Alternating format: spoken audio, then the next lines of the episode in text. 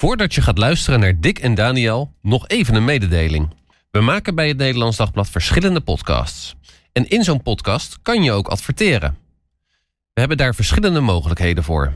Wil je daar meer over weten? Neem dan contact op met ND Zakelijk door een mail te sturen naar ndzakelijk.nd.nl.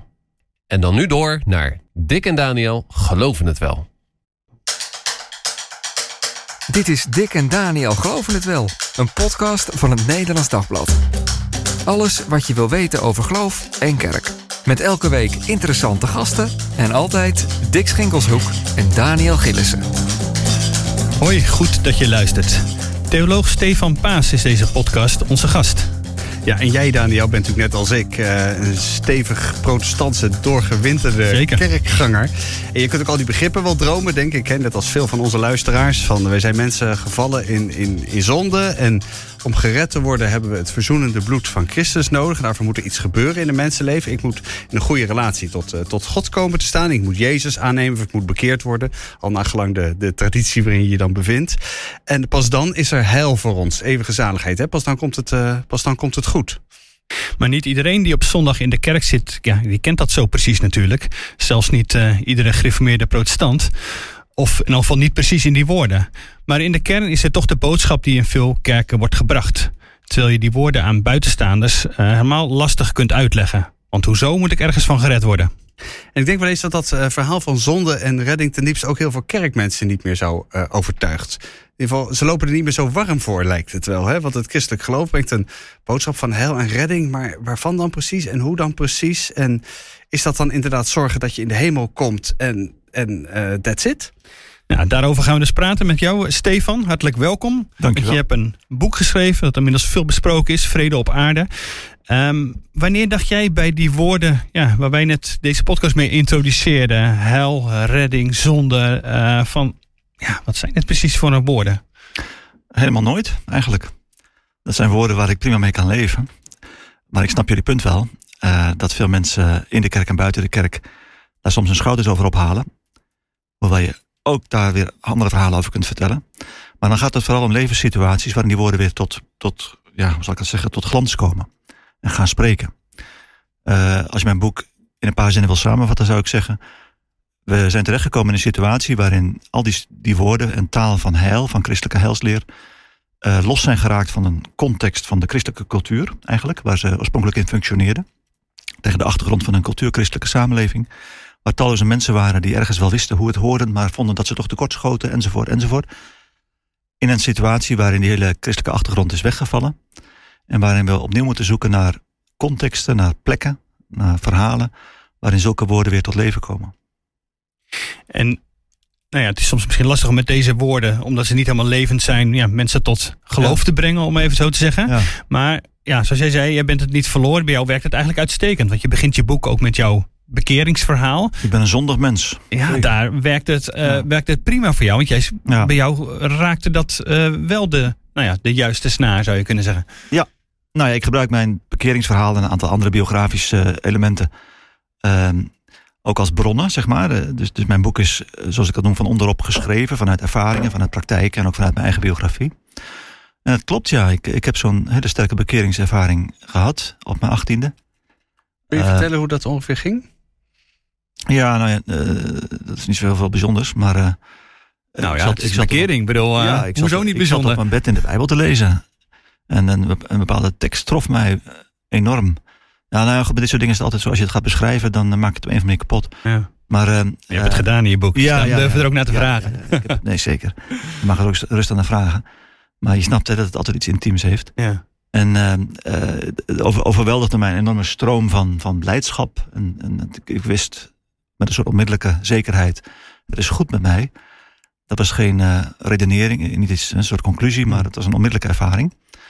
En, en die herkende ik ook. Hè? Dus dat is het grappige natuurlijk, omdat je de verhalen wel kende van bekeringen. hè. Nee, je, wist, je wist eigenlijk meteen wat jou overkwam. Ik, ja, ja, zoals iemand voor het eerst verliefd wordt of zo. Eh, Oh, oh, dit is dan heb je het. het zelf nooit meegemaakt. Maar dan denk je, oh, dit is het dus waar ze het allemaal over hebben. Ja, ja, ja. ja, dat, ja. dat idee. Ja, je zat dus in een context waar er op deze manier over Klopt. gesproken werd. Waardoor je inderdaad daar bevattelijk ook wel wordt. Ja, niet, niet dat het er elke dag over ging, maar wel. Eh, ik zat wel in een context heel duidelijk. waarin werd gezegd: God heeft geen kleinkinderen. Hè, dus je kunt het geloof niet erven van je ouders. Nee. Moet je zelf Het moet je, eh, gebeuren. ja, het moet bij jou Ja. gebeuren. Ja. En, maar dus ook met de druk. Eh, volgens mij was dat niet zozeer in de, de, de, de kerkelijke traditie waar jij uitkomt. Maar wel bijvoorbeeld in die van mij. eh, waarin het wel, ook wel moest gebeuren. En het ook lang niet aan iedereen gegeven was om zo'n bijzondere ervaring eh, Ja. Nou, dus, te hebben. Dus we hebben het eigenlijk over een klimaat dat we vaak bevindelijk noemen. Hè, of pietistisch, er zijn verschillende woorden voor. Maar daarbinnen zijn natuurlijk weer allerlei gradaties. Hè. Veel, veel mensen, eh, ook buiten de kerk, zijn vertrouwd met de boeken van Jan Siebelink bijvoorbeeld. Waar echt een extreme versie hiervan, die heel erg bepaald wordt door het uitverkiezingsdenken. Hè. God heeft van tevoren bepaald wie er gered wordt en wie niet. Daar kan niemand wat aan veranderen. Nee, de meeste mensen niet. En het enige wat je, ja, wat je mag hopen is dat jij op een gegeven moment gaat ervaren dat jij erbij hoort. Ja. En dat, eh, het klimaat waar ik opgroeide was, was, was geheel anders. Dat, dat, die uitverkiezing speelde helemaal niet zo'n verlammende rol. Dat was veel meer een troost. Eh, het was een klimaat waarin veel warmte was. En waarin duidelijk was dat God graag wilde dat wij eh, ons zouden bekeren. En gered zouden worden. God wilde niets liever. Ehm, maar goed, dat betekent natuurlijk niet dat het met iedereen gebeurde. Zo realistisch was men wel.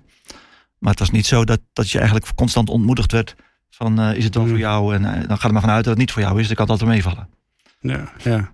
Want wat ik dan wel weer bijzonder vind, is dat die, ik, eh, jij hebt deze bekeringservaring. Mm. God heeft op deze manier door jou gesproken. Daar neem jij Nou, ook in je, in ja. je boek geen, geen woord van terug. Nee, nee, dit, nee, is, dit is eh, hoe God dat bij jou gedaan heeft. En tegelijk, zeg je, heb je het vermogen om dat dusdanig te, te ja, hoe zeg ik dat, te, te relativeren. En te zeggen van, maar dit is toch maar, dit is maar één manier. En misschien werkt Ja. deze manier in deze tijd ook weer niet helemaal. Misschien bij mij wel, maar niet, Ja. niet bij anderen. Ik moet eerlijk zeggen, ik vond dat wel bijzonder om te lezen. Want ik zou eerder... Dat, het feit dat ik er eh, eh, eh, zowel van binnenuit als van buitenaf Ja, kan kijken. ja, en ook dat je dus je eigen ervaring daarin niet, niet, niet zodanig ver, ver, verabsoluteert. nee. Dat je zegt, maar zo is het dus. Zo bekeert God mensen. Ja.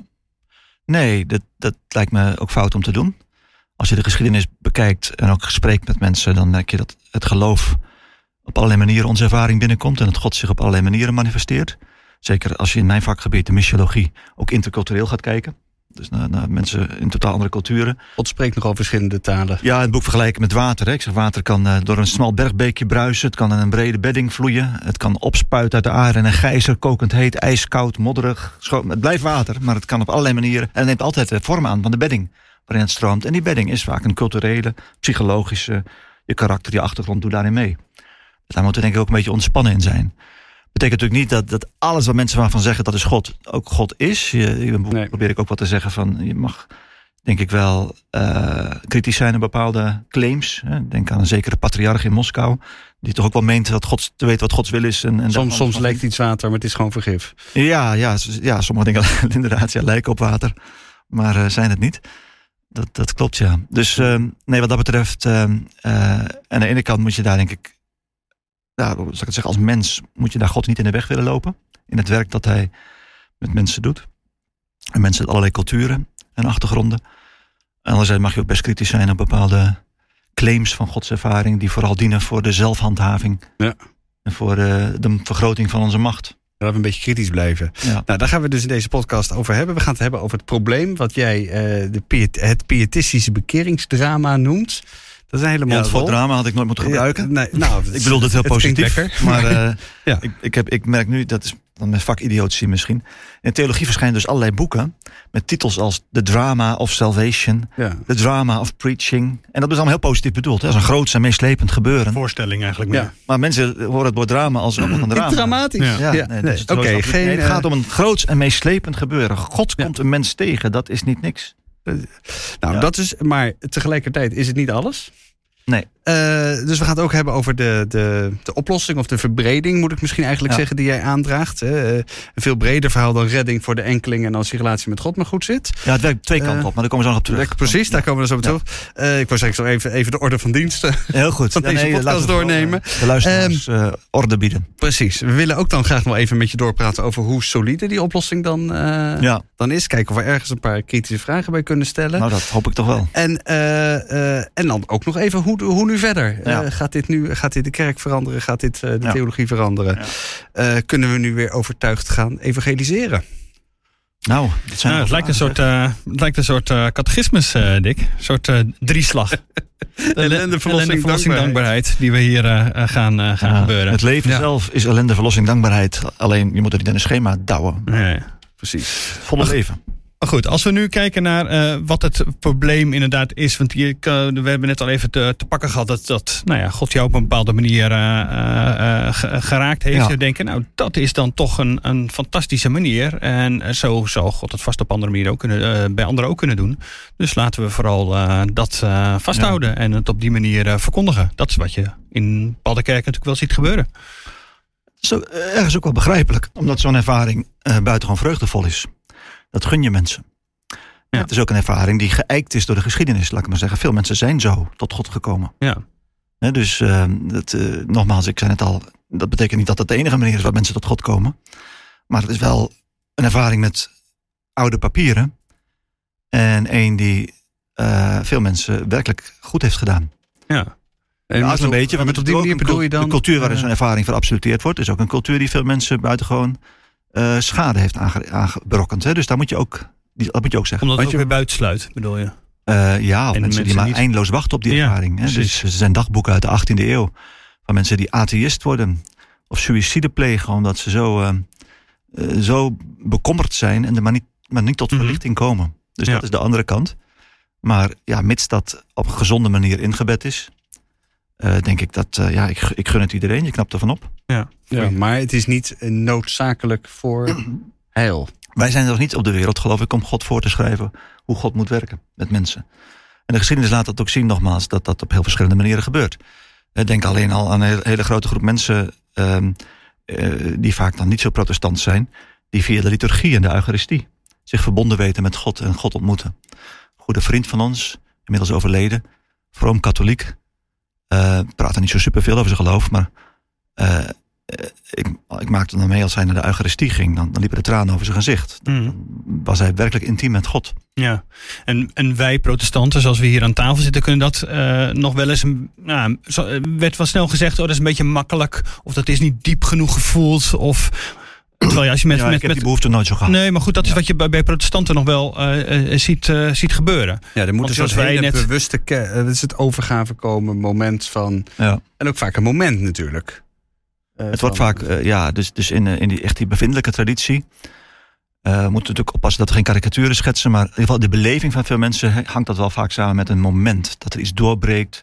Dat je een tekst krijgt. Dat er nou ja, op een gegeven moment een soort verzekering Ja. komt. Ja. Mhm. Ja, ja. Maar vragen naar, naar het bekeringsmoment of vragen naar je relatie met Jezus is wel super protestants. Als je de katholieken vraagt, denk ik echt van waar heb je het in? Ja, ik denk niet dat de katholieken dat zo zouden zeggen. Waar heb je het over? Maar dat gaat bij hen veel meer via de, de sacramenten. En misschien ook wel via de bisschop. Hè, want waar, waar de bisschop is, daar is Mhm. Christus. Maar ook vanwege Ja. die intimiteit. Maar juist omdat het, omdat het zo intiem is, wat je net zei over de Eucharistie. Dat ze merkt dat het niet Ja. altijd even makkelijk dan erover praten. Omdat ze dat ook een beetje een hele protestantse vraag vinden. Want daar, daar praat je gewoon weer, geef je weer woorden aan. Terwijl er niet altijd woorden aan te geven zijn. Veel protestanten vinden dat ook wel natuurlijk. We hebben natuurlijk hier vooral over de opgetogen tak van het protestantisme. Die graag en veel praten over geloofservaring. Ja. Ehm, ik heb ook heel wat familieleden gekend van mij. Die, dat waren buitengewoon vrome mensen. Maar die vonden dat gebabbel over het geloof voortdurend... eh, hadden ze ook niet zoveel mee hoor. Nee, nee, het is ook een moderne Dus het- vorm van geloof. Hè? Eh, Die gearticuleerd is. Die, die individueel is. Die, ervarings, die op, gebaseerd is op ervaringen. Empirisch. Hè? Dus het heeft ook moderne kanten. Ja. Ja. en die dus ook, Democratisch eh, ook. ge- Ja. is het ingebed is in, in wat jij dan christendom noemt, christenheid. Christenheid. Dus, dus ja. je moet, Ja. je moet eh, christelijk zijn, je cultuur moet christelijk Ja. zijn. En dan gaan we ons op een gegeven moment afvragen, maar moet er niet nog iets meer gebeuren dan een, dan een, dan een braaf christelijk leven? Er moet een verdiepingsslag ja, zijn. Er moet een, een, een. Weet je, je kan wel iedere zondag in de Ja. kerk zitten, maar eh, Nee. eh, lieve gemeente, dat is niet genoeg. Een christendom van het hart. Ja. Dat was eigenlijk eh, de frase die veel gebruikt werd. Daar speelden natuurlijk allerlei dingen een rol. Natuurlijk zit er ook een authentiek, gewoon christelijke lijn in. Van, van dat geloof ook iets persoonlijks is. Een persoonlijke verbinding met Christus. Ja, het welke moet, eh, moet twee voet, werd er dan gezegd. Ja, het kan voeten hoog zitten. Of wat dan ook. Dat is wat Ja. zijn latere bevindelijke termen. Maar in die 18e eeuw, waar ik eigenlijk mijn uitgangspunt neem... van die, die tijd van de revivals, van de, van de grote opwekkingen en zo... en eh massabekeringen... daar zie je ook een andere zorg spelen... namelijk dat men zich realiseert dat de christelijke cultuur van Europa... begint te af te brokkelen. En met name begint af te brokkelen vanaf de top. Vorsten, overheden, instituties voelen zich niet langer verantwoordelijk... voor de kerstening van de onderdanen. Eh, bepaalde elites beginnen ook te seculariseren. En er is een grote trek van het volk naar eh, de steden. Industrialisatie komt op. Dus er is enorm veel beweging en, en, allerlei oude patronen beginnen te verdwijnen. En in die tijd zie je ook leidende christelijke intellectuelen gaan zeggen... Uh, het christendom moet in het hart van de mensen zinken. je kunt er ook een soort democratisering in zien. Waar, waar zit de bezieling, waar zit de draagkracht van een cultuur? Uh, is die top-down in wetten, uh, overheden enzovoort? Of is dit uiteindelijk in de harten van de burgers te Het moet naar het individu toe. Dus niet alleen met het collectief, maar juist je moet de personen zelf raken. gedragen worden, de burgers zelf. Ja. Men realiseert zich heel goed dat het niet meer top-down georganiseerd kan Dat is wel een goede ontwikkeling, ja, zou je kunnen zeggen. Ook met, met de blik van nu. Dat of, zeg je uh, natuurlijk als je, omdat jij modern bent. Ja, precies. Jij kijkt daar terug met enig Ja. genoegen. Uh, dat, dat, we hebben onze vrijheid, zorgen- vrijheid aan te danken. Ja, en dat liep natuurlijk ook wel zorgen op eh, bij tijdgenoten. Eh, zeker de meer volkskerkelijke of eh, eh, eh, de, dus de cultuurchristelijke. Die, die vonden dat, eh, dat enthousiasme, zoals ze dat noemden, ook riskant. Het verdeelde mensen tegen elkaar. Ja. Het creëerde geestelijke elites. Ja. Hè, dus dus de, de- Ja. dat zie je vandaag de dag toch, trouwens nog hoor. In, in, in Afrikaanse landen bijvoorbeeld. Waar Hmm. in meer gemeenschappelijke culturen, waar men die sterke bekeringstheologie met enig wantrouwen soms bekijkt. Omdat ja, dan heb je onmiddellijk een aantal mensen in de groep die zich eigenlijk toch. Die, zeggen, wij gaan naar de hemel, jullie niet. Ja, die gaan zich anders Mhm. voelen Ja, dan, ja, de, ja. dan de rest van de groep. Dat is het risico. Ja, althans, dat wordt dan gevreesd. En de, en de kerken raken verdeeld. Dus Ja. eh, oud, oud-katholiek verwijt volgens mij aan het protestantisme. Eh, van, nou ja, wat is het met jullie? Is het individualisme begonnen? En, Ja, eh, dat is niet helemaal onterecht natuurlijk. Nee, we zijn inmiddels hopeloos eh, Ja. eh, tegen onszelf verdeeld. Want het zit inderdaad dan in ieders hart nu. Maar volgens heeft, eh, heeft, heeft iedereen zijn eigen geloof en niemand wordt het meer ergens over eens. Ja, je loopt natuurlijk het, risico dat, dat je daar weer zo fel tegen reageert. dat de hele persoonlijke dimensie van het geloof uit, uit zich verdwijnt. Dat het activisme wordt. Of cultuur. Dus het groot gelijk van het pietisme en van bevindelijkheid is denk ik wel. Dat men altijd heeft gezegd. maar geloof heeft ook iets te maken met gewoon je persoonlijk verheugen in God. En dat God zich verheugt in jou. En dus dus de, wat Paulus zegt over het koninkrijk van God. dat het gerechtigheid, vrede en vreugde is. Dus de, de, zeg maar de, de, de toekomst van God is niet alleen een toekomst van, hè, daar gaan we het over hebben, van vrede en recht, maar ook een toekomst van vreugde. God zelf is daar persoonlijk aanwezig. Alles dat is het gelijk van dat pietisme. Ja. En dat ze daar hier en nu iets van kunnen ervaren.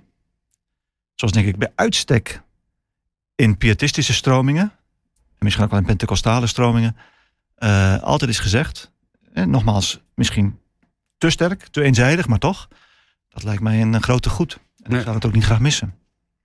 En wat, wat gaat er, als je het nog even kort omschrijft, nu dan mis als met het uitdragen van die protestantse helsleer, zou je kunnen zeggen? Waar, wat zien we misgaan? Nou ja, ehm, we moeten daar even eh, twee zeg maar, eh, eh, dingen onderscheiden. Het eerste is zeg maar, in, in, de, in de, het officiële, theologische, academische gesprek. zijn heel van deze dingen eigenlijk best wel keurig gedaan. Heel, heel verfijnd vaak, heel mooi. eh, waarin de, zeg maar, de meer horizontale, meer verticale lijnen van het christendom bij elkaar blijven enzovoort. Mijn zorg is vooral dat op de grond, ook in missionaire praktijken, dat, je dat het toch een puzzel blijkt die steeds moeilijk te leggen valt. En dan zie je vrij veel mensen daar die uit een zeg maar, bevindelijk milieu komen. En dus groot geworden zijn met een vrij individuele, verticale eh, relatie tot God. En God, die, de ziel. Het gaat om dat je in de hemel komt en, en niet uit de hel blijft. En, en dat eh, het verzoenend bloed van Christus jou persoonlijk ook deel, deel wordt en zo. En hoe, hoe mooi dat ook allemaal wel is. eh het risico daarvan is dat eigenlijk alles als het gaat om de zorg voor deze aarde, voor de schepping. Ook voor eh, de, eh, de andere volken enzovoort, ehm, secundair wordt. Op zijn best wordt het een kwestie van heiliging. Hè, Als je helemaal bekeerd bent, kun je daaraan toewijden. Op zijn slechtst is het eigenlijk, ja, er is maar één ding nodig, mensen, uiteindelijk. Ja. Ja. En stil maar, wacht maar, alles wordt nieuw. Nou ja, dat is, dat, Dat is kijk, de- dat wordt altijd wel sterk bestreden, maar eh, het is natuurlijk niet van niets dat critici eh, dat toch altijd weer noemen. En dat zijn niet altijd vijandige critici. Dat zijn ook critici die zeggen, ja, ik zie het toch wel gebeuren. Omdat het tussen, het gaat zoveel over God en mijn ziel, dat, Ja. er, dat er voor de wereld geen plek meer is in het geloofsleven. Ja, dus ik, ik ben zelf missioloog, zendingswetenschapper. En eh, eh, er is heel vaak gezegd in de 20e eeuw, eh, zeker door eh, zeg maar wat meer vrome protestanten. Als we mensen in de wereld met een bekeringservaring doormaken, dan gaan die samenlevingen vanzelf ook minder corrupt Ja. worden en rechtvaardiger. Ja. Ja. keer op keer blijkt dat gebeurt niet. Hmm. Er zijn landen waar massa's mensen ja, via een eh, evangelicale of pentecostale bekering eh, christen zijn geworden of protestant zijn geworden. En waar de corruptie en de eh, onrechtvaardigheid welig tiert. Dat gaat niet vanzelf blijkbaar, dus dat, dat is een belangrijk iets. In mijn boek geef ik ook voorbeelden uit het verleden.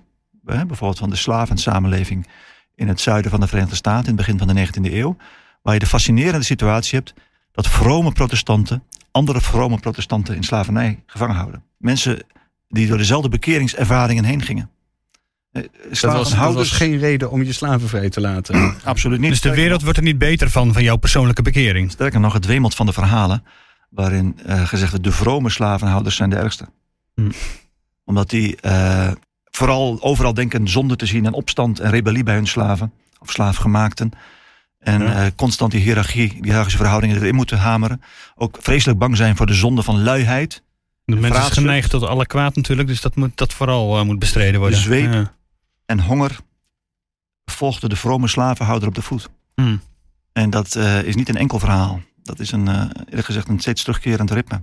Nee, helaas. Ik wil niet zeggen dat het het enige verhaal is, maar dat, dat merk je wel als je de verslagen leest van het zijn geen incidenten. Van weggelopen of vrij, uh, bevrijde slaafgemaakten. Van wie een aantal ook uh, dominee waren. En, en ik heb een paar indrukwekkende verhalen verzameld daarover.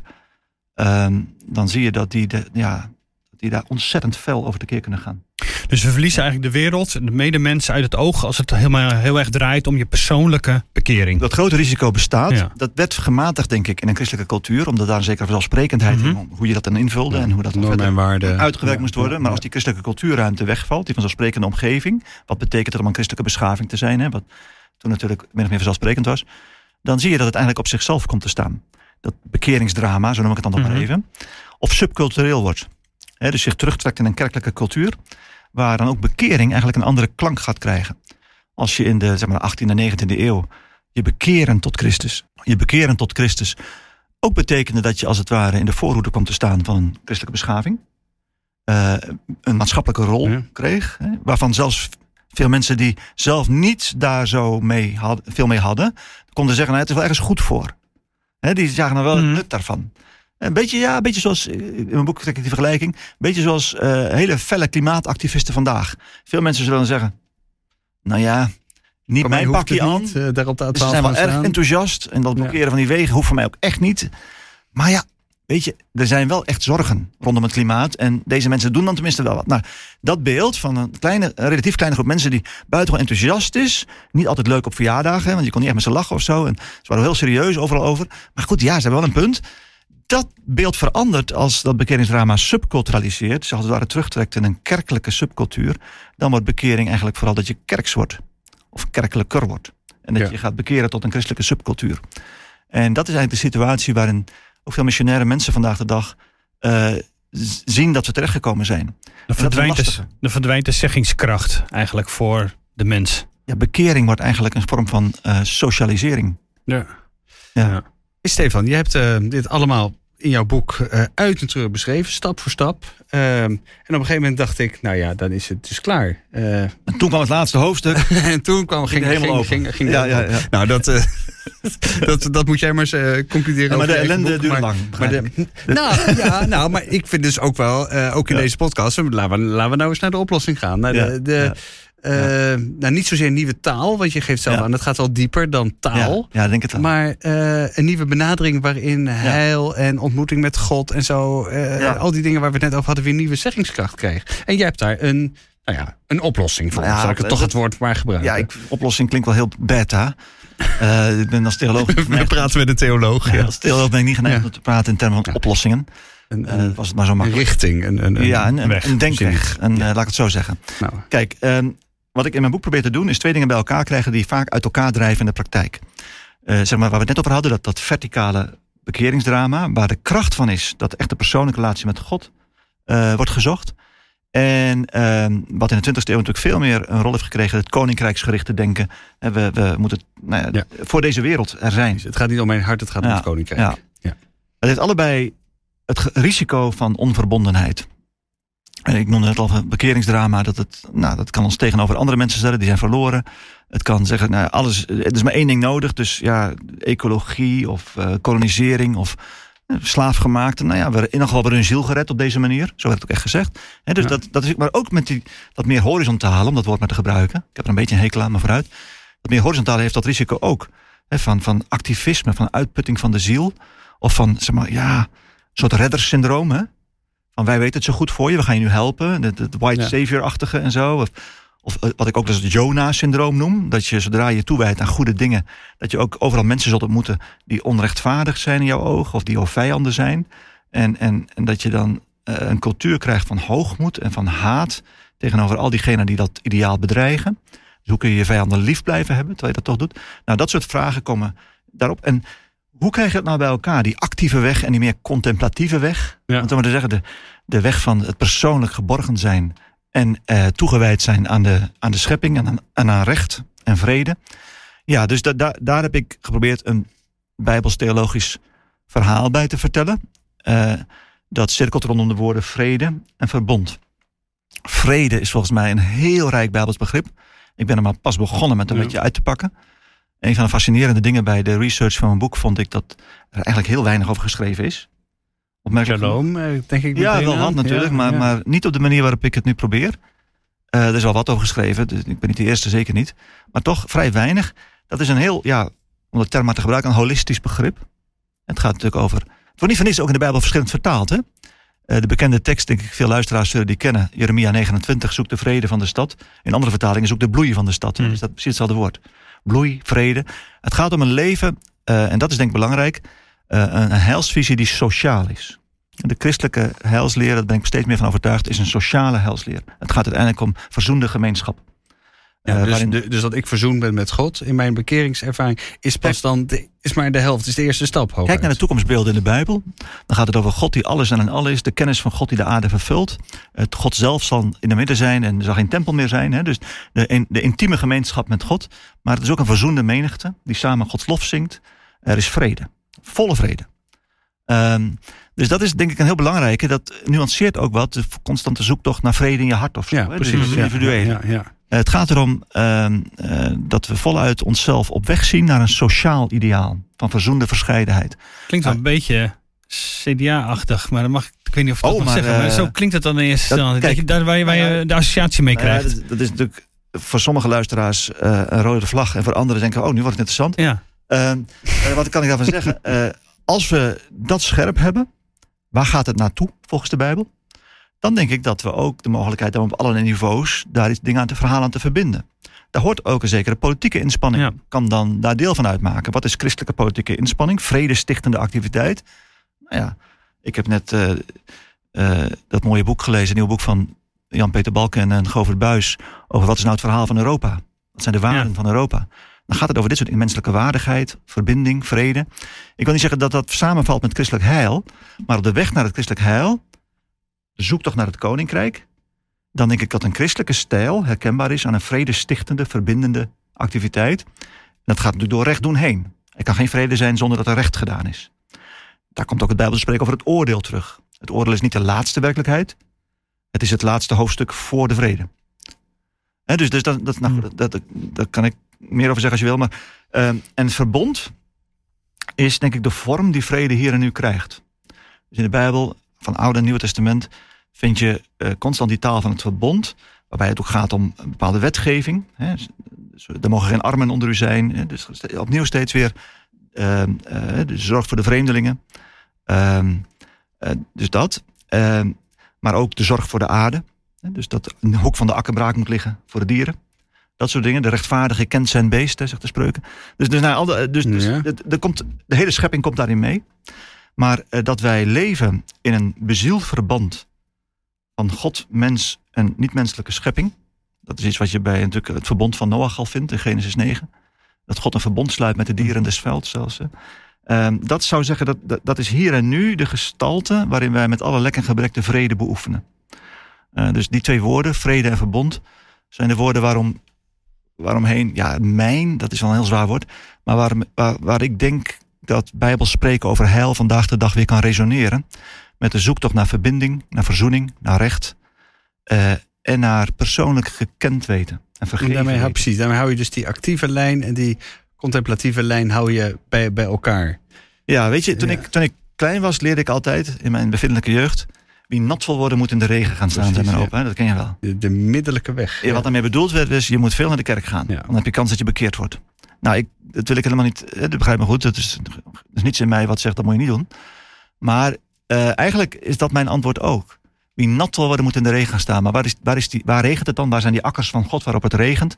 Dan zou ik zeggen, dat is de zoektocht naar vrede. En dat wil zeggen dat naar recht, naar eh, verzoening, naar vreugde. Dus wie God wil ontmoeten, die moet... Moet zich daar bevinden. Nou, middelijke wijs laat Ja. Zich daar vinden. Daar waar gemeenschappen van vrede zijn. Dat zou ik zeggen. Het gaat me niet om dat ik God wil voorschrijven hoe hij het moet doen. Er zijn altijd, eh, God gaat zijn eigen... Maar voor ons zou ik zeggen, eh, daar mag je het verwachten. Dat, jij de, eh, dat je op Deze het koninkrijk maar, van God en zijn gerechtigheid, zegt Jezus. En alle andere zullen, dingen zullen je gegeven worden. Dan krijg je vanzelf die... Nou, niet vanzelf, maar... Innerlijke komt vrede. dat- Daar- Ja, precies. Er komt de innerlijke vrede, die komt daarin mee. Op die weg krijg Ja. je de kans, de uitnodiging om te ontdekken wie je bent, wie anderen zijn en waar het naartoe gaat met de wereld. Nu, nu, nu, nu snap ik dat je die, die, die actieve lijn op deze manier daarin meebrengt. Maar waar, waar is die contemplatieve gebleven? Is dat, is dat een soort tweede, tweede instantie? Is dat, eh, ga, ga je nou eerst maar met, eh, met, met, met vrede bemoeien en dan... Nou, laat, laat het en dan proberen komt concreet te maken aan de hand van de zoektocht naar recht. vanzelf. Een goede vriend van mij die zegt altijd, dat begint op je knieën. Zegt hij, eh, dat vind ik heel mooi, hè? Dus dat, dat heb ik ook echt van hem geleerd. Hij zegt, ehm, in mijn gebedsworsteling, als ik de wereld op me door laat dringen, het onrecht, maar ook het onrecht van mezelf eigenlijk, hoe vaak ik toch weer verklooi, daar begint het eigenlijk al. Dat is contemplatief. Je worstelt Ja. met God. Je worstelt met jezelf. En je, je, je smeekt om hoop, om een perspectief. Om een bevestiging van je verlangen dat er misschien toch recht is. Dus daar begint het eigenlijk al. Het begint altijd op je knieën. Eh, niet dat het, daar, dat het de eerste stap is, maar het is een spiraal. Het gaat allemaal door elkaar. Ehm, de weg van het recht doen. Nou ja, ik denk maar weer aan Jona. Ik vind Jona dus een prachtig boek wat dat betreft. Jona wordt als rechtvaardige profeet uit een rechtvaardig volk naar een onrechtvaardige stad gestuurd. Nou kun je zeggen, dat is horizontaal. Het is de weg waarin hij leert kennen wie hij is en wie God is. Is de weg die hem tot verdieping brengt, tot het nieuw verstaan van God. Dus het is ook voluit contemplatief.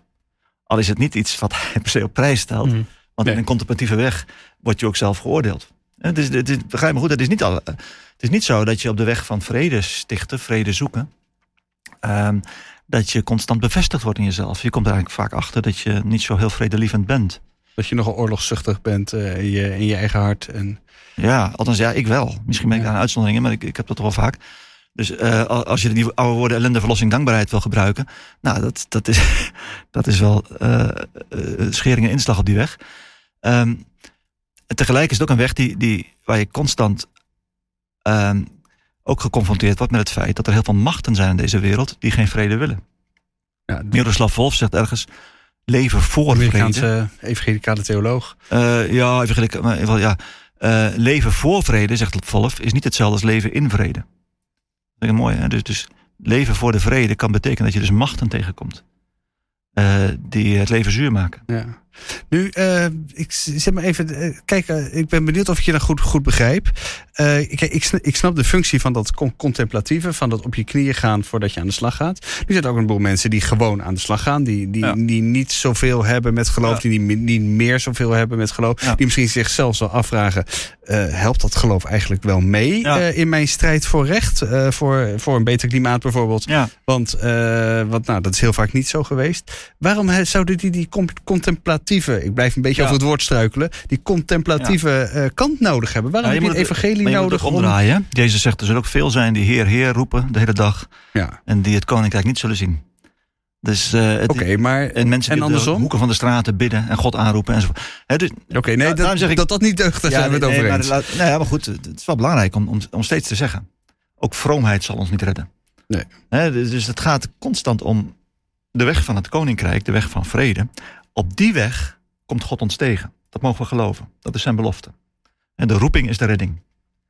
Ehm, nou, eh, je kunt je vragen waarom? Ja, Maar misschien zijn er mensen die dat helemaal proberen, niet... eh, laat ik zeggen, in de praktijk, ik ben voorzichtig, maar eh, wie zich toewijdt aan recht, aan het zoeken van vrede, aan verzoening, ehm, zal met zichzelf geconfronteerd worden. Zal geconfronteerd worden met de vraag constant, heeft dit überhaupt zin? Er zijn zoveel manieren om iets te verkloten. Tegenover maar één manier om iets goed te doen, soms. Het is een vrij hopeloze zaak, hè? als je daar goed Ja. over nadenkt. Dus gegrepen zijn door dat ideaal, in, de volle, in het volle besef van hoe klein je krachten zijn, hoe, hoe sterk de machten zijn, ehm, is een situatie, laat ik zeggen, waarin het evangelie tot spreken komt. Er zijn geen garanties, hè? Er zijn geen garanties dat je tot geloof komt of, of wat dan Die zijn er nooit. Nee. Die heeft geen niemand. Maar ik ben op zoek naar situaties, naar plekken waar dat, die oude woorden weer tot leven komen. Waarin het weer betekenis krijgt als tegen je gezegd wordt: ondanks wie je bent, ben je geliefd, ben je vergeven. Ondanks dat de krachten klein lijken, ik heb de wereld overwonnen. Vrees niet. Ehm, nou, ehm, In die context gaat dat ondanks weer dat. Je, dat ja. je je leven voelt wegvloeien uit jezelf. Ik stort mijn geest uit. En geef nieuwe krachten. Dus, dus ja. Maar wat In die maakt dat dan? in die zin ja, is het ja, een heel ja, ouderwets ja. boek, vrienden. Eh, gewoon Maar, wet en maar maakt dat het dan Ja. inderdaad anders dan wat je in de liberale theologie natuurlijk ook wel zag, waar het wat, nou ja, inderdaad die weg van Ja. vrede in, gewoon op deze aarde moeten we het, zo- Ja. het zoeken naar het goede voor elkaar. Ja. Dus toen Daar ging zat ook wel een die gingen conservatieve- socialisme omarmen. Die Ja. gingen, Ja. ja. Ja, je probeert het goede te doen op deze aarde. En natuurlijk, dat komt voort uit, ja, uit je geloof, uit je drijfveren. Maar er zit minder dat verticale in. Werd wel, was de kritiek in elk geval Ja. in wat meer orthodox Ja. christelijke kring. Hoe kijk je daar dan naar? Zit Ja, zit daar dan juist de goede lijn in? Of zeg je van nee, maar daar, daar mist Nee, misschien inderdaad een verticale eh, verbinding? In het laatste hoofdstuk van mijn boek zeg ik dat een van de grote problemen van kerken eh, in het Westen en van christenen in het Westen is dat ze nog steeds erg sterk bepaald zijn door die tegenstelling horizontaal-verticaal. Hmm. Die in de jaren 70, 60, 70 enorm diep is ingezonken. In de debatten tussen de Wereldraad van Kerken en de Ja. evangelicale stromingen. En die hebben tot op vandaag bepalen die ons. Het valt me ook op in, in sommige recensies van mijn boek. Dat mensen denken, oh hij wil het niet puur verticaal doen. Dan zal hij wel horizontaal zijn. Dat is heel opmerkelijk. Of het een of het ander. ik, ik kan me niet voorstellen dat je die conclusie trekt uit mijn boek, maar dat is een bepaald schema waar de mensen zich heel moeilijk kunnen ontworstelen. Eh, ik zal dus nogmaals niet zeggen dat dat in de officiële theologie, hè, bij verfijnde denkers enzovoort, daar zit dat meestal wel goed. Maar op de grond blijft dat een worsteling. Ik groeide nog op in een klimaat waarin ik mensen tegenkwam die eh, eh, bijvoorbeeld spuugden op de EO of op de NCRV. Dat waren de twee vertegenwoordigers van deze beide Ja. stromingen, zal ik Ja. maar zeggen. Ja, de EO was verticaal. dan heb ik het over kerkmensen. Hè? Ja. Dus als je in wat was meer, nou, meer progressieve kerken kwam, waar, waar mensen zo'n stickertje achter de auto hadden. Want auto's mocht je toen nog rijden. Ehm, achter op een dieselauto van kernbommen de wereld uit, of kernenergie de wereld uit. Ehm, en, en aan de andere kant eh, mensen met een stickertje op eh, eh, liever een raket in de tuin dan een Rus in de keuken. Hè, dus meer Ja. conservatieve, meer progressieve stromingen van, van, van het protestantisme. En ja, dan zag je die, dat dit horizontaal-verticaal dilemma zo sterk was. Dat aan de ene kant heel sterk het idee leefde. Ja, die hebben het altijd maar over, over je ziel en over God en zo. En, Ja. en de wereld gaat naar de knoppen. En aan de andere kant, ja, die hebben het altijd maar over eh, apartheid en, en, en dat soort dingen. Ja. Maar intussen, Vrede in de wereld, maar voor jezelf, eh, voor je Ja, hart, daar gaat het niet over. en als bonus zijn ze ook nog blind voor de ellende die christenen aangedaan wordt achter het ijzeren gordijn. Ja. Eh, dus dus ehm, ehm, eenzijdigheden zijn altijd gevaarlijk. Ze maken ons blind voor, waar, voor, voor wat God bij elkaar gebracht heeft. Dus mijn, mijn boek is onvolmaakt hoor. Eh, er zijn genoeg kritische opmerkingen over te maken, denk ik. Maar echt een poging om dat weer bij elkaar te krijgen. Ik denk dat het een van de grote zondevallen is van de westerse Hmm. theologie. En dat het met name op, op het niveau van spiritualiteit en van missie velen verlamt. Ja, dat echt uit elkaar eh, getrokken heeft. Ja. Maar in dit verband is het wel interessant. ehm, de preek van Kees Kraaienoord bij de Evangelische gemeente Mozaïek afgelopen zondag. Ook een beetje over het horizontaal en eh, verticaal Ja, gesproken. ja. Je zei het al even, je, nou ja, je zei niet helemaal, maar een beetje in de trend van eh, eh, ja, je bent goed zoals je bent, omdat je verlost bent. Dat is ook wat zij bij Mozaïek altijd sterk zeiden. Hè? eh, Welkom zoals je bent, eh, cultuur, zei eh, Kees Kraaienoord, ik citeer.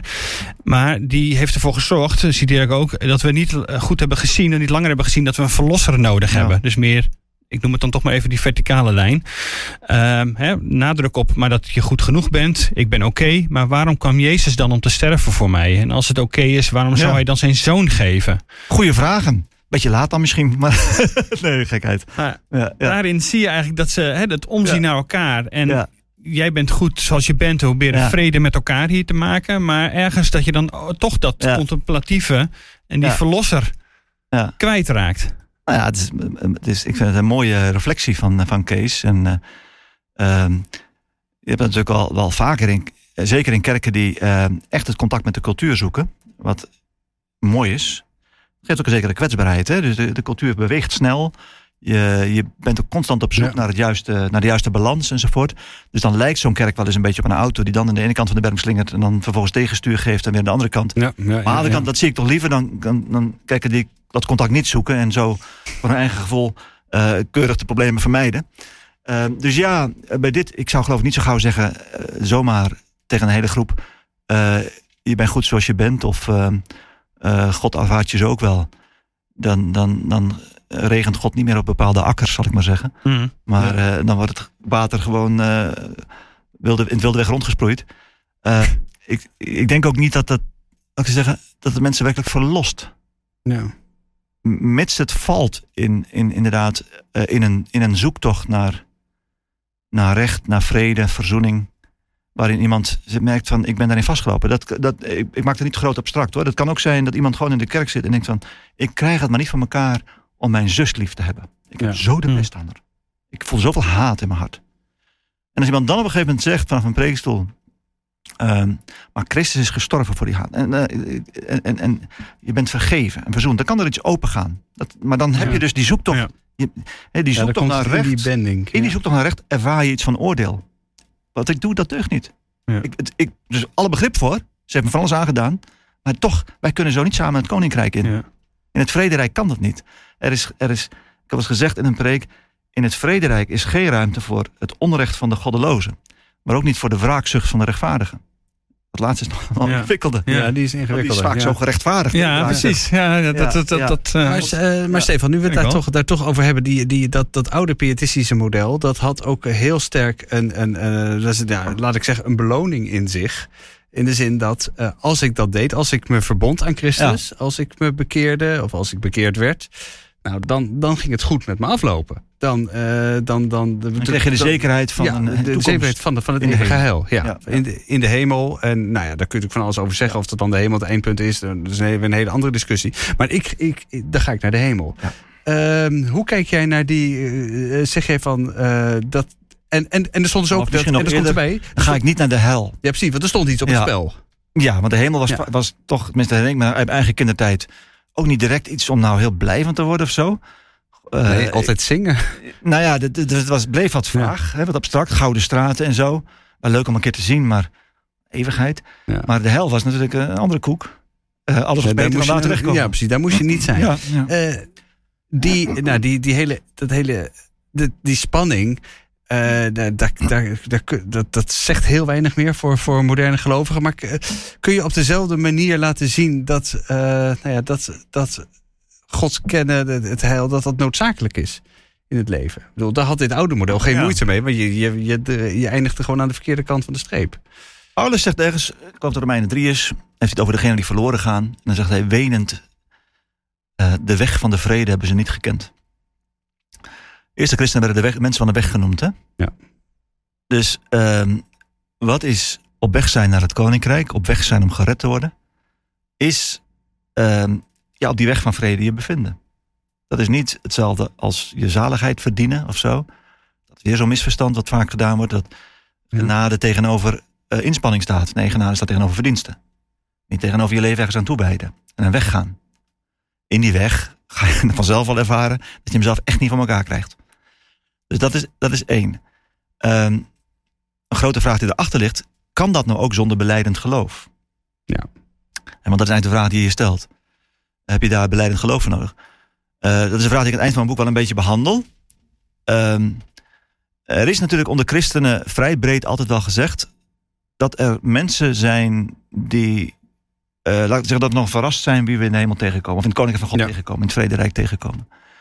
Ehm, in de katholieke kerk is het Tweede Vaticaans Concilie, eh, heeft, dan, heeft het dan over hè, mensen die eh, zeg maar, zonder hun schuld Christus niet kennen, maar wel zich op die weg van vrede bevinden. Ja, dan, dan krijg je het idee van anoniem, anoniem christendom. Ja, dat, dat is een term die Karl Rahner gebruikte. Dat, Ja. dat, is, dat is gebruikt niet iedereen. Dat is ook een beetje een, een verdachte term. Ik zou hem zelf ook niet zo gauw gebruiken.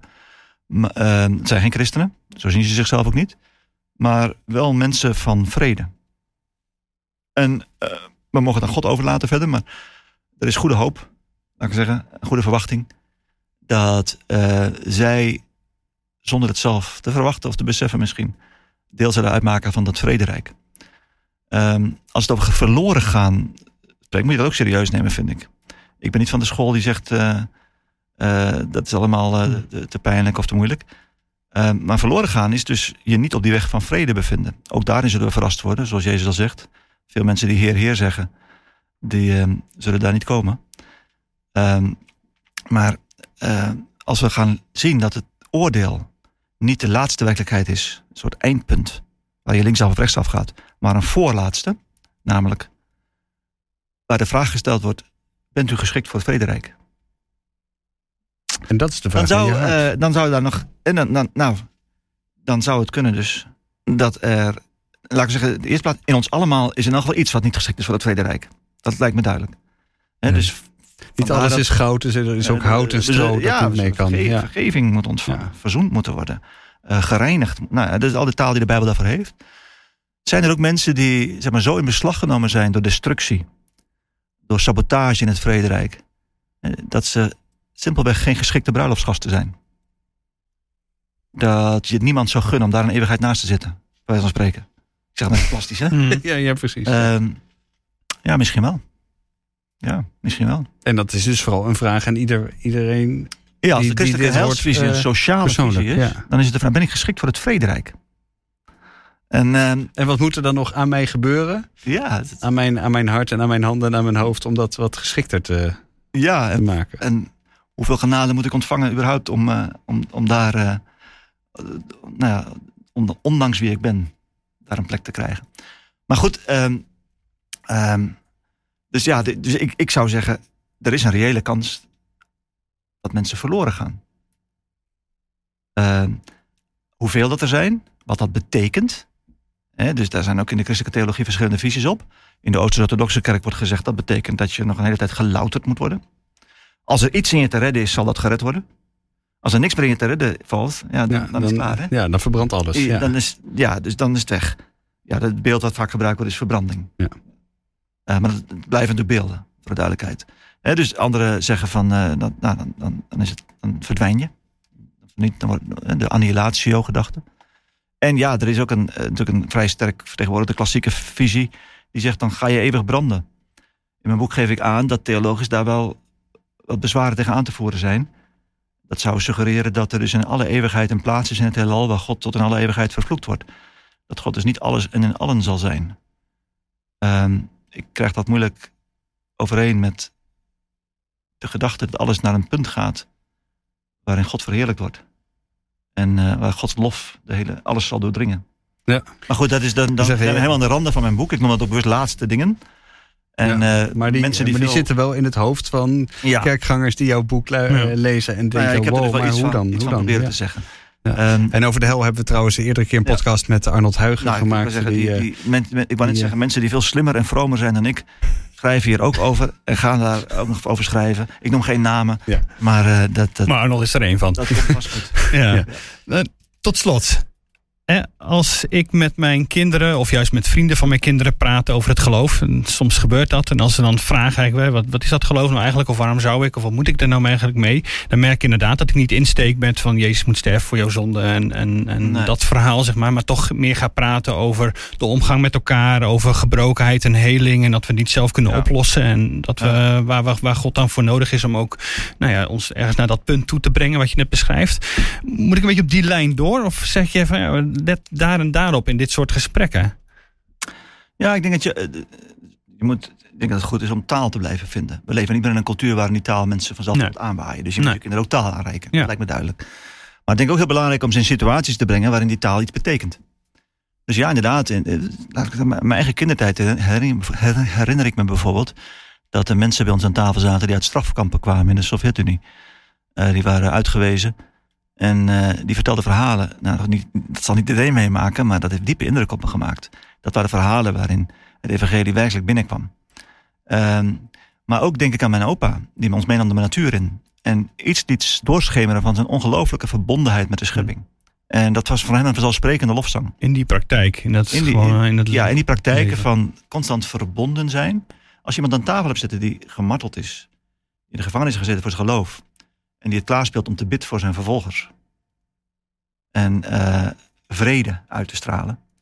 Ah, er is, goed, nogmaals, die mensen hebben niet op bestelling aan tafel zitten. Nee, maar goed, Maar, er zijn meer mensen die, is, die wat je- gedoe hebben met anderen. En nou ja, Het ga is daar belangrijk mee aan de slag. Om, om kinderen ook eh, in situaties te leren kennen, praktijken te leren kennen, waar dit verhaal betekenis heeft.